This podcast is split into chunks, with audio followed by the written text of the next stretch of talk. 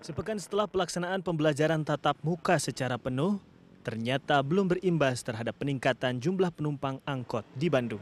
Hal ini disebabkan karena belum semua sekolah di kota Bandung menerapkan PTM 100%. tapi eh, masih kena berkurang Belum ada perubahan. iya belum ada perubahan soalnya eh, seminggu sekolah seminggu libur gitu jadi be- belum belum normal benar lah intinya mah gitu belum ada perubahan, belum ada perubahan. Soalnya pulangnya kan itu jadi kadang-kadang jalan-jalan, jalan. Kadang-kadang dijemput, ada pakai motor gitu. Kalau ke, ke, ke angkot mah masih masih minim lah. Iya. Harapannya gimana Pak ke depan?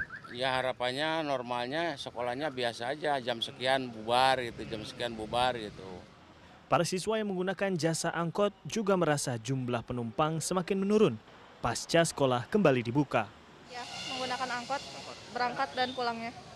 Kenapa memilih menggunakan angkot daripada ojol? Eh, karena lebih hemat, Hemat ya. lebih murah. Ya, Nah kalau di angkotnya sendiri ngelihatnya penuh apa setelah masuk nih? Penuh apa masih kosong aja?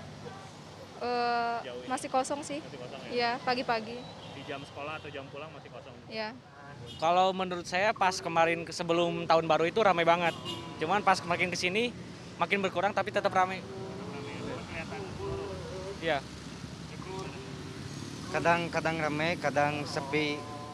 Berbeda dengan angkutan umum, para pengendara ojek online mengaku mulai ada peningkatan jumlah pesanan pada jam berangkat maupun bubar sekolah. Meski demikian, naiknya jumlah pesanan juga diikuti dengan jumlah pengendara ojek online di kota Bandung. Alhamdulillah untuk ya seminggu ke belakang kemarin juga sudah mulai ada ya orderan-orderan ini yang anak-anak sekolah kan kampus juga kemarin kan ITB udah pulang mulai pada masuk jadi ya agak membantu juga gitu untuk orderan kami gitu.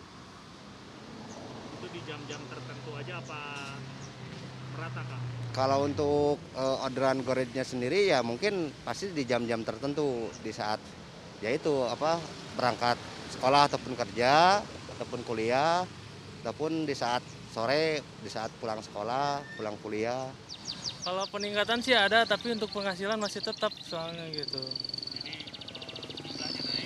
Penghasilan masih tetap gitu. Soal- soalnya kan ke sini ke sini daripada para yang lain udah pada aktif lagi semua gitu.